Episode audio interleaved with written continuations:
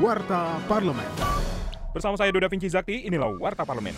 Wakil Ketua Komisi 9 DPR RI, Carlos Honoris, meminta pemerintah fokus pada sistem layanan kesehatan bukan angka penularan kasus COVID-19. Dia mengingatkan fasilitas kesehatan dan tenaga medis harus memadai untuk melawan varian Omikron. Politisi fraksi PD Perjuangan tersebut mengatakan penyebaran varian Omikron kian mengkhawatirkan dan lonjakan kasus telah terjadi pada lebih dari 110 negara. Masyarakat perlu tetap menegakkan protokol kesehatan demi memperlambat laju penularan Omikron, sehingga aktivitas sosial ekonomi di wilayah masing-masing tetap bisa berjalan. Warta.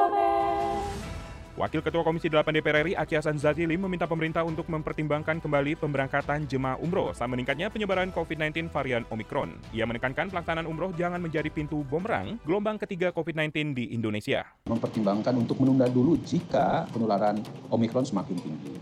Terlalu beresiko bagi kita memaksakan untuk memberangkatkan jemaah umroh kalau potensi penularan Omikronnya itu berpotensi menularkan kepada calon jemaah umroh. Jadi kami tentu sangat berharap ya kita lebih baik mengedepankan keselamatan ya karena bagaimanapun nanti kalau Omikron ini menyebar di Indonesia gitu akibat dari proses interaksi di luar negeri, kita khawatir ini menjadi trigger bagi gelombang ketiga dari penularan COVID-19 varian baru. Kinerja Wakil Rakyat simak di media sosial DPR RI.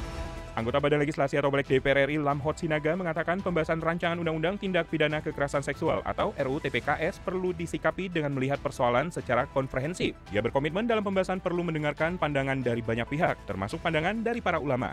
Legislator fraksi Partai Golkar ini menekankan penyempurnaan RUU TPKS masih dapat dilakukan sampai pada pengambilan putusan tingkat pertama. Mengingat produk legislasi ini sudah ditunggu publik, menurutnya pembahasan perlu dipercepat.